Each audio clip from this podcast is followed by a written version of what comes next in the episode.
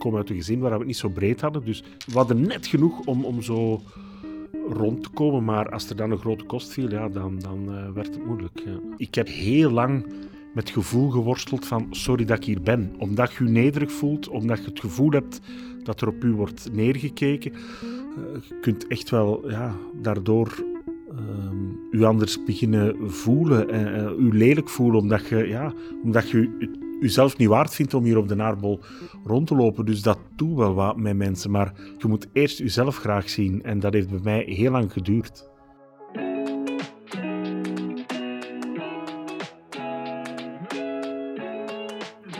Dit is Wat je nog niet wist over.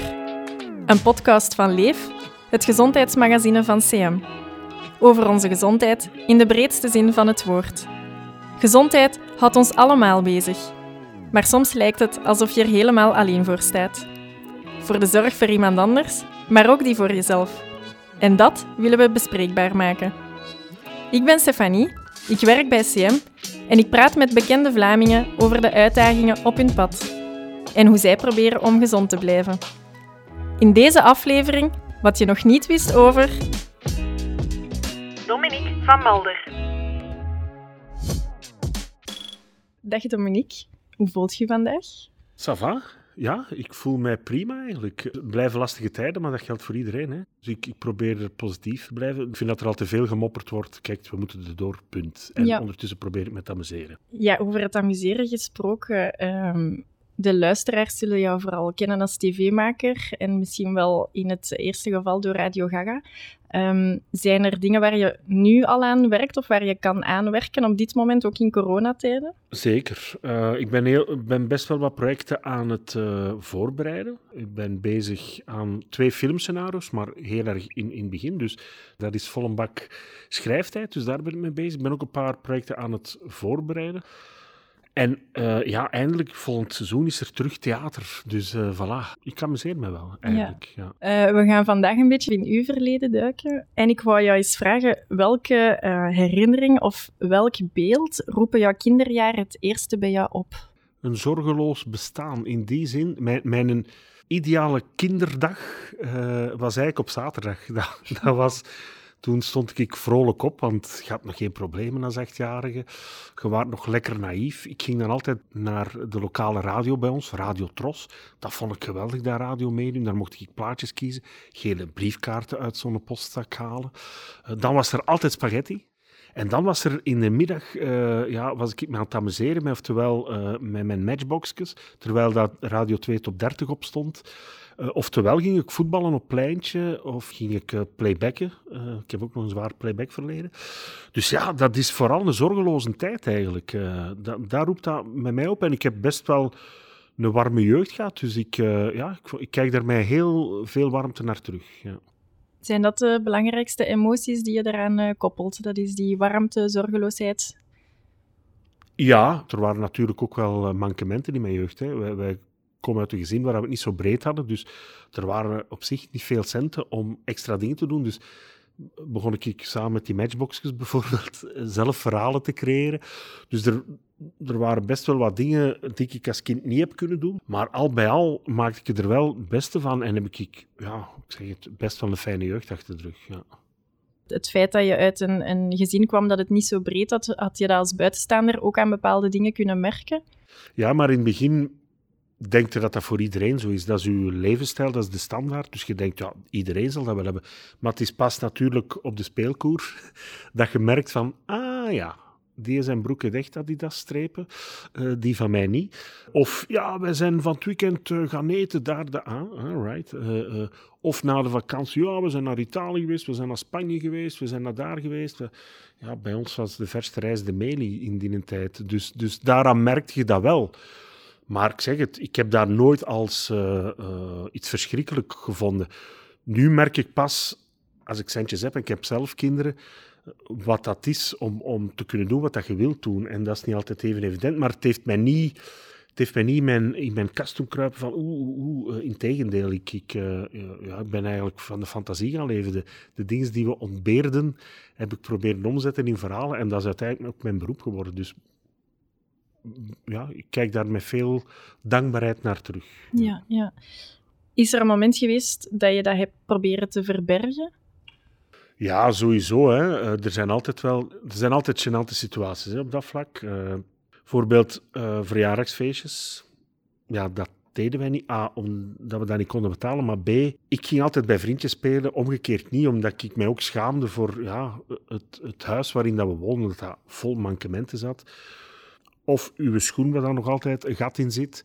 Dat je, ja, maar eh, dan, vinden uitvluchten uit eh, waarom dat, dat gat er nog altijd zit en waarom dat je geen nieuw hebt. Dus, dus op dat vlak worden wel creatief eh, met verbergen van de armoede. Dat wel. maar ik heb nooit honger geleden, voor alle duidelijkheid. We hadden net genoeg om, om zo rond te komen, maar als er dan een grote kost viel, ja, dan, dan werd het moeilijk. Ja. En je voelde je ook door de situatie soms wat ja, nederiger. Allee, uh, ja, omdat je niet de dingen kunt doen uh, die anderen wel kunnen doen. Dus daardoor voel je wel al een beetje uitgesloten. Je zet dan ook nog eens het dikketje van de klas. Dus, dus ik heb wel, uh, bij wel uit mijn kot moeten komen om mij niet te laten pesten. Wat dat niet gebeurd is, hè, voor alle duidelijkheid.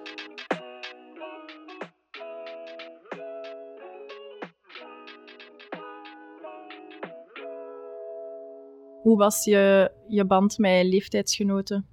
Maar eigenlijk heel goed. Ik was, uh, doordat ik een dikkertje was van de klas, uh, had ik zoiets van, goh, ik ga ik, uh, al de mop maken voor dat, voor alleen dat iemand anders maakt. Dus daardoor werd ik wel als een grappig kereltje bevonden. En iemand met humor scoorde altijd wel in de klas. Dus op dat vlak viel ik wel goed, goed eigenlijk goed in de klas. En heb ik mij nooit, ja, ik ben nooit uitgesloten geweest of gepest geweest. Maar ja, ik heb vooral gezegd, mij gaan ze hier niet liggen hebben en, uh, op de speelkoer. En dat is ook wel gebleken. Dus, dus nee, uh, natuurlijk proberen ze, proberen ze dat wel. Hè. Of zelfs leraars hè, die ge, gemakkelijk willen scoren met mopken over uw volume. dat wel, maar ik heb me daar niet door laten doen.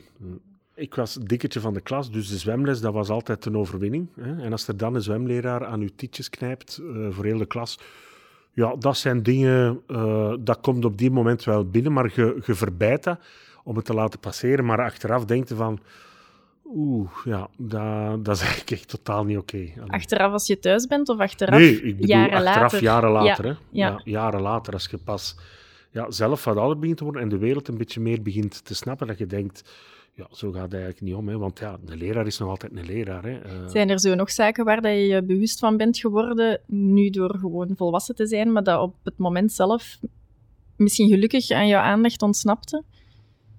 Uh, ik denk vooral uh, dat mijn papa en mijn mama zelf het heel erg moeten gevonden hebben om niet veel te kunnen doen. Om altijd maar zo... Dat moet voor hen heel lastig geweest zijn om... om hè, want ja, natuurlijk uw ogen worden uitgestoken door allemaal uh, schoon speelgoed en fijne dingen.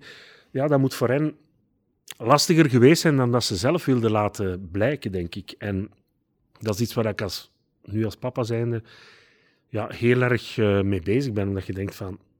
En dat, dat zei ik ook tegen ons kinderen van... Zeg, wij hebben wel echt geluk dat wij kunnen doen wat dat we kunnen doen. Hè.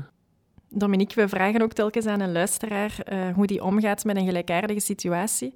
En dit keer is dat Marie-Louise en zij heeft het over er niet bij horen.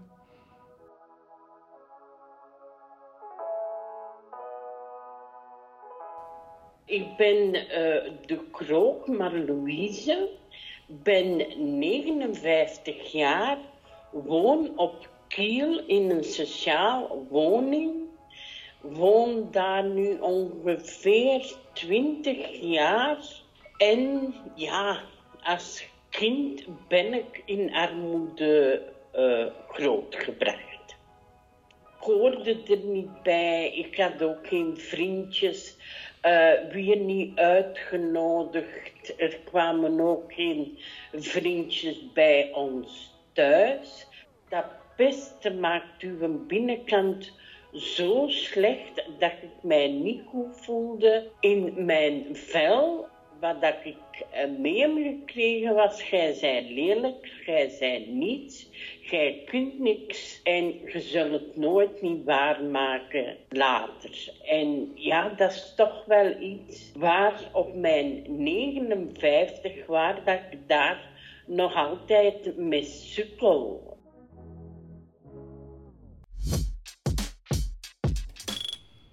Is het herkenbaar voor jou? Zeker, absoluut. Ik heb ook heel lang met gevoel geworsteld van sorry dat ik hier ben. Omdat je je nederig voelt, omdat je het gevoel hebt dat er op u wordt neergekeken. En dat is misschien nog maar voor de helft waar. Allee, bedoel, het zit, zit ook vaak in uw kop, omdat je niet de tools hebt om, om, om u wel bij die groep aan te sluiten, die wel van alles kan doen. Dus ik vind dat, ik vind dat heel, uh, ja, heel herkenbaar. Ik, ik heb het geluk gehad dat ik, uh, dat ik op de speelkoer wel mijn mond durf open doen. Maar niet iedereen uh, kan dat of, of heeft die kracht. Het is ook heel moeilijk om om die cirkel te doorbreken. Uh, je, hebt daar kracht voor nodig. Maar allee, het is makkelijk gezegd, ja, maar ja, gaat dan wat gaan werken en dit en dat. Zo simpel is het helaas niet natuurlijk. Hè. En het is, het is vreselijk om, om dat te moeten ja, trotseren elke keer. En dat kost heel veel energie en moeite. En als je dan altijd deksel op je neus krijgt of er wordt op je neergekeken en je kunt niks en dit en dat. Ja, ik weet, ik, ik kwam in de eerste Latijn-Griekse binnen. Ik wou dat heel graag doen. Maar mijn vader had zoiets van, nee, nee, nee, nee, je moet dat niet doen, want zeg, uh, uh, je zegt geen dokterskind, dat zijn alleen maar dokters. Dus ik weet dat ik het eerste Latijn-Griekse, de Latijns was dat toen nog, binnenkwam met, ja, sorry, ik ga het proberen. En iedereen had zoiets van, wat, wat proberen? Ah ja, Latijnse, oh ja, ja. Maar... Dus, dus in mijn kop mocht ik daar al niet zijn. Dus het zit ook, allee, het zit evenveel in de kop van uzelf als in de koppen van, van andere mensen, die natuurlijk soms op u neerkijken. Ja. Mm -hmm. Maar je, je hebt die weerbaarheid nodig, maar ja, dat is moeilijk. Hè. Daar bestaat geen handleiding in. Hè. Je moet die zelf schrijven, vrees ik, die handleiding. Of hulp zoeken, babbelen met mensen die u kracht geven, u laten omringen door mensen die u wel positief kunnen, kunnen laten zijn. En, maar dat is niet simpel. Dat doet er mij aan denken, um, in de tijd als je daar op school zat, of dat zij wisten ja, wat dat jouw situatie thuis was, dat je het niet zo breed had, en of zij daar dan ook actief iets probeerden aan te doen of mee te doen, um, ja, om dat een beetje op te vangen voor jou? Ja, ik heb daar zeker een heel goed gesprek over gehad met mijn lievelingsleraar van toen. Ik heb die gehad in tweede en derde studiejaarke, uh, Luc Meremans, echt topkerel, dat was echt mijn lievelingsleraar. En toen heb ik ook gevraagd van, ja, wist je daar, allez, voelde je daar eigenlijk iets van? En hij zei, een beetje wel, maar een beetje ook niet, omdat ik daar ook zoveel... Allez, uh, uh, in wegspeelde van ja, er is allemaal geen, geen probleem. En hij zei ja, omdat ik wel altijd een goede leerling was en altijd goed meedeed, ja, daardoor waren daar al geen, geen problemen. Maar nu is dat wel detecteerbaarder, denk ik, dan vroeger. Want vroeger was dat ja, minder aan de hand. Allee, het was even hard aan de hand, maar minder zichtbaar, denk ik wel. Maar het blijft een... Allee, de meeste mensen schamen zich ervoor, hè, dus daardoor is het ook moeilijk detecteerbaar. Maar ik denk wel dat we nu ondertussen zeker in scholen, dat er wel echt uh, heel wat gedaan wordt om dat te detecteren. Mm -hmm. Zijn er momenten waarop dat je toch het gevoel had dat je uh, troost zocht ergens? Ja, maar ik zocht dat vooral op in, in, uh, uh, in boeken en in verhalen en, en, en in tv-series. En ik bouwde ook werelden na op mijn slaapkamer, die ik natuurlijk moest delen met mijn broer en met mijn ouders eigenlijk ook nog. Maar we hadden zo'n klein kotje en dat was dan mijn radiostudio, zo gezegd, met allemaal kapotte boksen dat ik ergens gevonden had. Of, ik creëerde wel altijd een wereld, of ik was vol een bak aan het lezen. Daar verloor ik mij, mij ook in. Uh, en bij ons hadden we ook zo uh, om de hoek een cinema, die bestaat nog altijd, Cinema Albert. Al mijn spaarcentjes gingen op naar uh, singles en naar uh, cinema. Ik zocht niet per se troost in andere mensen, maar eerder in verhalen, muziek en cinema. Weet je nog welke nummers of, of films of ehm, ja, verhalen specifiek belangrijk waren op dat moment voor jou? Jazeker. ja, singles, Hele Tuiver van Paul Jong heeft mij erdoor gesleurd en George Michael. Uh, ja, daar was een zware Paul Jong van. Uh, die heb ik dan ook geplaybacked. Uh, met George Michael heb ik iets meer succes geoogst in de playbackwereld. Dus de muziek was belangrijk, maar ja, ook wel boeken. Hè. Astrid Lindgren vond ik... Dat was dan als ik zo 12, 12 13 jaar was. Ja, Astrid Lindgren of Tonke Dracht in die tijd, dat waren boeken dat ik, ja, waar ik helemaal helemaal in uh, verzwolgen. Is daar dan het zaadje voor de creatieve Dominique die nu voor mij zit uh, ik, geplant? Ik denk het wel in die zin dat ik toen ook echt mijn zwart laafde aan verhalen. En ook natuurlijk om misschien iemand anders te kunnen zijn. Hè? Iemand anders in dat volumineus lichaampje van toen, maar iemand anders die ook andere dingen kon doen. Ik denk dat daar toch onbewust de acteursdroom gestart is. Omdat, ja, En heb je het gevoel dat je alle kansen gekregen hebt ook om die dromen na te jagen? Ik denk nu ook bijvoorbeeld aan het, eh, het luisterfragmentje van eh, Marie-Louise dat we net gehad hebben. Dat gevoel dat zij had van, ja, je gaat er nooit bij horen of je gaat er nooit uit geraken. Dat klinkt bijna als, je moet niet dromen, want het zal toch niet lukken. Is dat iets wat dat jou parten heeft gespeeld of wat dat je herkent? ik heb misschien te vaak wel te hard geleefd met sorry dat ik hier ben. Eh, maar het is door toneelschool, net toneelschool te gaan doen, dat ik daar een beetje aan ontsnapt ben. Dat ik ook in de grote stad terecht kwam. Dat was ineens Brussel, wow. Dus dat heeft mij ook wel allemaal geholpen om, om het allemaal iets, iets breder te zien. Ik schreef daar, ik maakte toneel, ik speelde toneel. En dat was voor mij echt een droom die uitkwam. En eh, je mocht nooit, nooit ervan uitgaan, eh, ik raak er niet uit. Of, maar ik snap dat dat allee, makkelijker, dat is makkelijker gezegd dan gedaan. Maar ik geloof heel hard dat je je droom kunt najagen. En hoe waren je ouders daarin? Hebben zij jou ook gestimuleerd om, om jou daar vooral voor te gaan en je niet te laten tegenhouden? Mijn mama heeft eigenlijk, die is ooit moeten stoppen met studeren, omdat die, ze was en tienermoeder en ze was de oudste van een gezin waar ze voor moest zorgen. Dus die moest eigenlijk direct beginnen werken. Dus die heeft daar een droom nooit kunnen najagen. Dus zij had zoiets van, vooral uw droom najagen. En mijn vader die had vooral zoiets van, allee, allee, je de brains, studeer een keer iets deftig. Als je goed studeert, kun je goed je boterham verdienen. Dus tuurlijk was dat alleen maar een angst om ook in armoedestraatje terecht te komen. Hè. Eh, Ik ben een van de gelukkigen die, die goed zijn brood verdient met zijn werk. Ik heb er ook hard voor gewerkt, voor alle duidelijkheid. De eerste jaren waren echt bitsig en, en heftig. Eh, maar kijk, ik vind het fantastisch dat ik nog altijd kan doen wat ik mag doen, namelijk een droom eh, leven. Uiteindelijk heeft mijn papa daar ondertussen wel vrede mee, maar dat heeft wel even geduurd. Ja.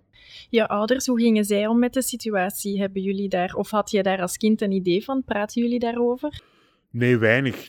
Mijn ouders stammen ook van een generatie die sowieso eh, weinig praten. Eh, dus er werd niet zoveel gebabbeld. Wij hadden zo heel lang een tv die, als je wou kijken, moest je die al een uur op voorhand aanzetten en echt eh, kloppen. Maar je wist onduur hoe dat je moest kloppen om die beeldbuis terug in gang te laten schieten. Dus dat was echt... En dan sprong die aan en moest er nog een half uur wachten tot dat, het geluid was er al, maar het beeld moest nog komen. Als je dan vraagt, maar een pa, we hebben een nieuwe tv nodig, en ze zeggen, ja, maar we hebben het geld niet. Ja, dan zijn ook uitgebabbeld. Hè? Bedoel, eh, dus we wisten dat ook wel. Eh, en ik weet nog, mijn broer heeft dan in de tijd nog, die is vier jaar ouder, die deed dan nog vakantiewerk en heeft dan met zijn geld, dank u wel broer, een nieuwe tv gekocht. Eh, dus ik wil maar zeggen, ja, wij wisten alle vier dat er geen geld was. Dus ja, Wat vind jij belangrijk in, in, in jouw opvoeding naar jouw kinderen toe? Maar het- belangrijkste vind ik eh, dat ik met mijn kinderen over alles kan praten. Ik vind ook dat ze alleen maar in dit leven moeten doen eh, wat dat ze willen doen. Daarmee bedoel ik hun dromen najagen. Allee, wat ik ook heel erg belangrijk vind, is ehm, ja, het bewustzijn van de luxe waarin dat we eigenlijk in leven en dat er niet te veel gemopperd moet worden eigenlijk.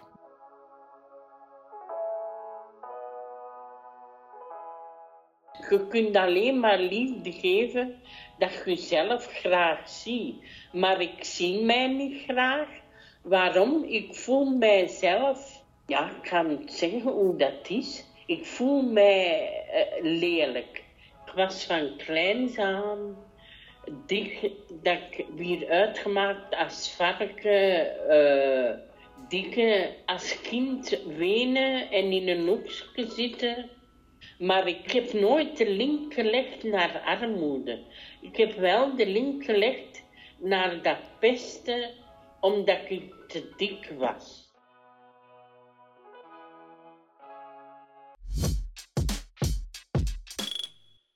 Eerste gedachte? Ja, zeer, zeer, zeer, zeer, zeer herkenbaar. Het- ene hangt soms ook samen met het andere. Allee, eh, doordat je in armoede eh beland eh, je kunt echt wel ja, daardoor ehm u anders beginnen voelen en eh, u lelijk voelen, omdat je, ja, omdat je uzelf niet waard vindt om hier op de naarbol rond te lopen. Dus dat doet wel wat met mensen. Maar absoluut, je moet eerst uzelf graag zien. En dat heeft bij mij heel lang geduurd. In therapie gaan heeft mij daarbij heel erg geholpen eigenlijk. Heb ik ja, mijn mentale hygiëne toch, toch wat opgepoetst. En dat heeft mij wel heel veel dingen doen inzien. En ben ik mezelf ook grager gaan zien. En daardoor kan ik ook iemand anders uh, grager zien. Ja. En kan je dat omschrijven? Wat zag je niet graag aan jezelf? Het feit dat ik ook uh, obese ben, hè, dat is iets van ja, er loopt te veel Dominique rond op deze aardbol, dat. Maar ook vaak ook in het begin van ja, ik ben het niet waard om misschien ook toneelschool te doen, Latijn-Griekse te doen. Uh, wat, of mezelf ook een beetje te veel op de achtergrond plaatsen, niet durven zeggen wat ik voel of denk. En als je, als je dat toelaat, namelijk jezelf te durven zijn, dat is heel belangrijk, want door jezelf te zijn, gaat je zelf ook graag zien, omdat je, dat je dan samenvalt met de versie die je wilt zijn en de versie die je zijt, en misschien de versie hoe dat mensen u zien. Uh, dus als die balans goed zit, ja, dat zijn de ingrediënten om, om jezelf uh, graag te zien. Maar dan moet je ook durven jezelf zijn en durven op tafel kloppen als het nodig is. Of durven zeggen, nee, uh, dat wil ik niet. Maar ook wel durven, ja, dat wil ik wel. Hè. en hoe meer dat je voor jezelf hè, kiest, soms is hè, wat men zegt, hè, een, een, nee voor de ander is een ja voor jezelf. Ook dat moet je soms meer durven doen, zodanig dat je de, de, de beste versie van jezelf wordt. En is dat dan voor jou de best, beste versie van jezelf worden? Zit dat dan in ja, die grenzen bewaken dan misschien ook? Uh, een Dominique die volledig zichzelf is, is een Dominique die, uh, uh, die opstaat, uiteraard. en durft zeggen van oké, vandaag gaan we dat doen en alleen maar dat. En als er dan nog iets bij komt, ah, kun je dat doen of wil je dat nog? ja, eigenlijk heb ik er geen tijd voor. Daar ook op durven nee zeggen, zodanig dat je ja, nog tijd hebt voor jezelf en voor je naasten. Hè. Ik werk sowieso wel best aardig veel, maar vroeger was dat misschien net te veel. Vlucht ik ook weg van, hè, want als je aan het werken bent, ja, dan moet je niet met jezelf bezig zijn. Of toch minder. Dus dat betekent ook dat je tijd voor jezelf moet durven maken. Hoe zie jij het verband uh, tussen armoede en inderdaad nog andere dingen die daar kunnen uit voortkomen? Zoals bijvoorbeeld, daarnet zei je zelf al, die uh, psychische kwetsbaarheid, um, die daar toch ook wel vaak aanhangt. Zwaarlijvigheid, is dat daar ook iets van, denk je? Hoe, kijk jij daarnaar? Ja, zwaarlijvigheid heeft natuurlijk velerlei gezichten. Hij is een combinatie van uh, inderdaad levensstijl, maar ook, hè, bedoel, goedkoop eten is gewoon niet altijd gezond eten. Hè. Curryworsten van 20 is gewoon veel goedkoper uh, dan een goed stukje vis. Punt. Allee, bij sommige kinderen gaan ervan verzwaren, omdat ongezond voedsel is, om daarna uh, psychisch kwetsbaar te worden. Hè? Want inderdaad, uw zelfbeeld, ja, dat aan de zeer lage kant is u uitgesloten voelen, ja, dat, kan, dat kan leiden uh, tot psychiatrie.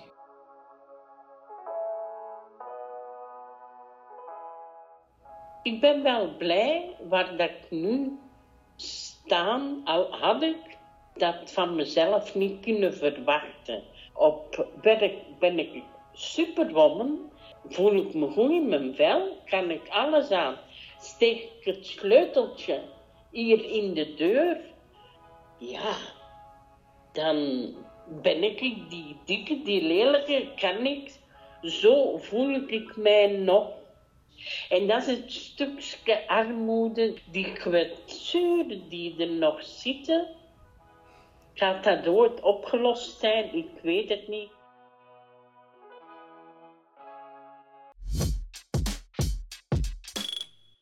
Dat doet om haar te horen zeggen van... Uh, ja, als hier eh, de deur op de slot, dan, dan ben ik terug die lelijke. En dat vind ik zo jammer, want ik denk van... Allee, ze kan het supergoed benoemen. Dus ik heb zoiets van: kom, Marie-Louise, trek die sleutel eruit.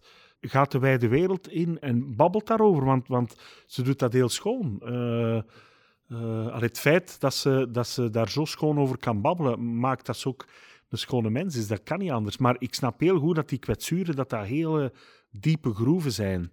Je moet niet altijd de rol spelen die mensen verwachten dat je gaat spelen. Hè. Je moet je eigen zijn en daardoor gaat je eigen ook graag zien, omdat je durft te zijn wie dat je bent. Maar dat, dat vergt veel tijd, energie en, en uh, moed. Maar uh, ja, Marie-Louise, ze, ze, allez, ze kan het.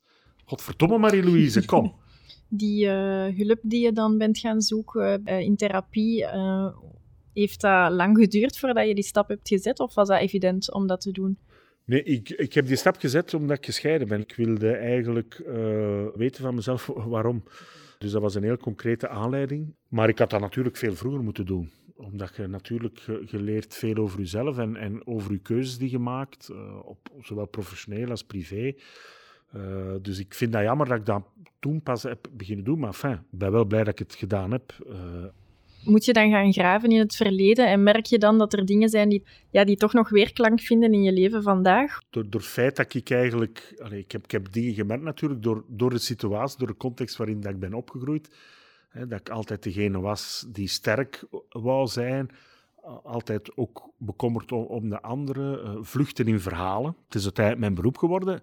En leuk, maar daar is ook een andere kant aan als je verzuipt in je werk. Allee, ik heb, bij wijze van spreken, ik heb heel wat rollen moeten spelen om uh, uiteindelijk mezelf te durven zijn. Als ik dan de, de oudere Dominique naar de jongere Dominique zie kijken, dan zeg ik wel een jongere Dominique die, die vooral uh, ja, zichzelf doorheen verhalen uh, recht hielp, maar ook de grappenmaker die grappen maakt om A zelf niet uitgelachen te worden. En B, om de sfeer erin te houden, want de sfeer was misschien niet altijd even, even goed.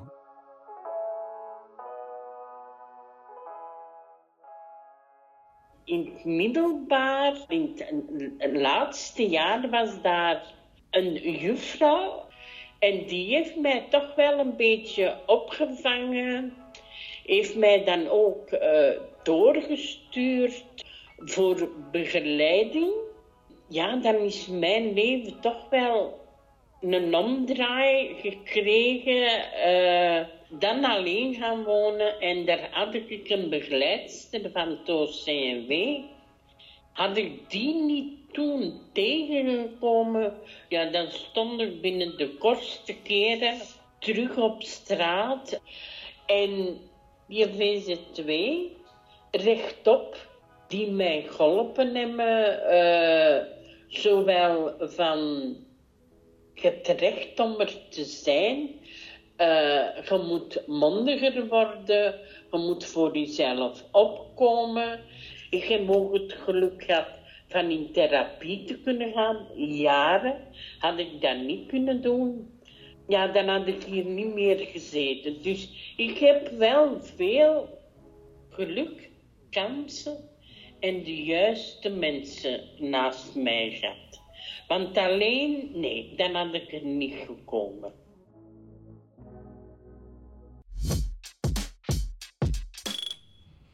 Alleen dan had ik er niet gekomen. Dat is zo. U laten omringen door, door fijne, juiste mensen. Hè? Uh, gelukkig ben ik ook wel goed omringd door, uh, door heel fijne mensen. Hè?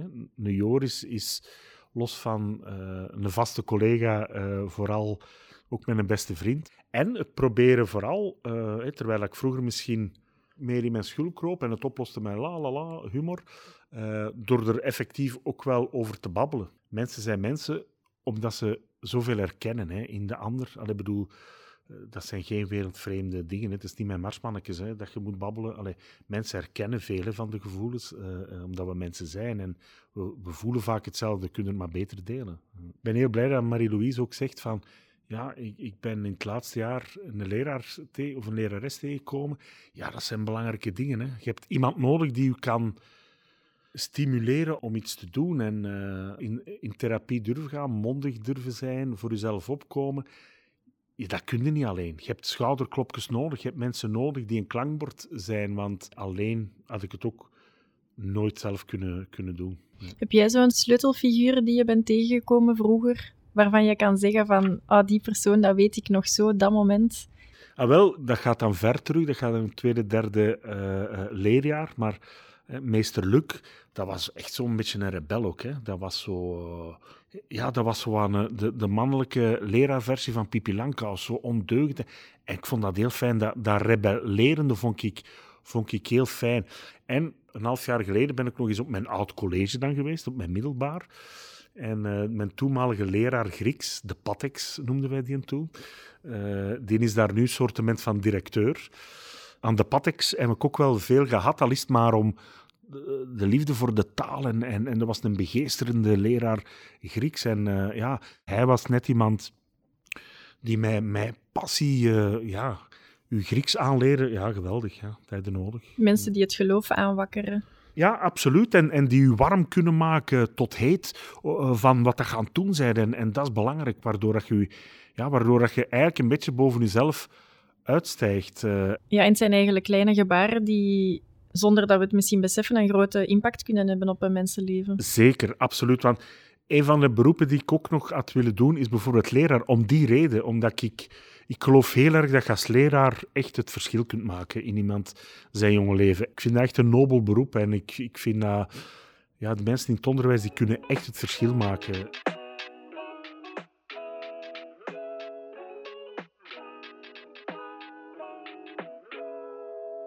Als je nu terugkijkt op, op heel je parcours, wat denk je dan? Uh, dat is een zeer hobbelig uh, parcours, maar ik heb liever een hobbelig parcours dan een plat uh, parcours waar je alleen maar rechtdoor moet. Daar is weinig lol aan. Dus ik zeg, het is een hobbelig parcours.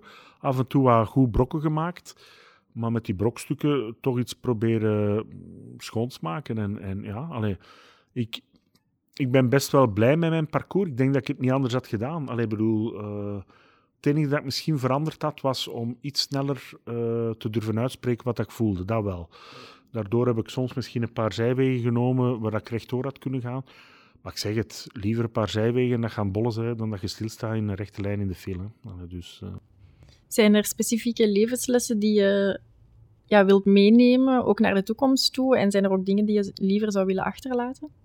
Levenslessen, ja. Ik ben toch iemand van carpe diem. Het is hier en nu dat je moet leven. En dat is niet gemakkelijk, hè, want ik ben nu al bezig met wat ik morgen moet doen.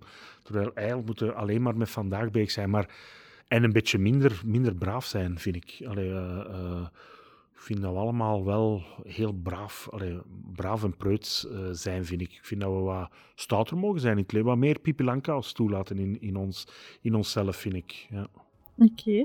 Is er nog iets dat je tegen de jonge Dominique zou willen zeggen? Uh, zeker, heb geen vrees. nee, nee. nee ik, zou, ik zou zeggen uh, tegen hem van... Kerel, uh, je hebt inderdaad het recht om hier te zijn. En je moet niet zoveel sorry zeggen. Doe maar vooral je goesting en volg je hart. En dan komt het zeker goed. voilà. Dat is een mooie om mee te eindigen. Dit was Wat je nog niet wist over. Een podcast van Leef, het gezondheidsmagazine van CM. Bedankt. Graag gedaan. Ken je iemand voor wie dit verhaal een duw in de rug of een klop op de schouder kan zijn? Stuur deze aflevering gerust door. De verhalen die je hier hoort zijn persoonlijke getuigenissen. Heb je zelf vragen over je gezondheid? Neem dan contact op met je huisarts. In de volgende aflevering vertelt Rob van Oudenhoven over de mantelzorg voor zijn dochter met een fysieke beperking. Ik heb nog altijd heel veel plezier als ik met hem wegga, want wij lachen eigenlijk een heel snee af. En ze kan ook heel ambetant zijn, maar zoals elk kind, zoals iedereen. Ik ben Stefanie, bedankt om te luisteren en tot de volgende. Een productie van CM.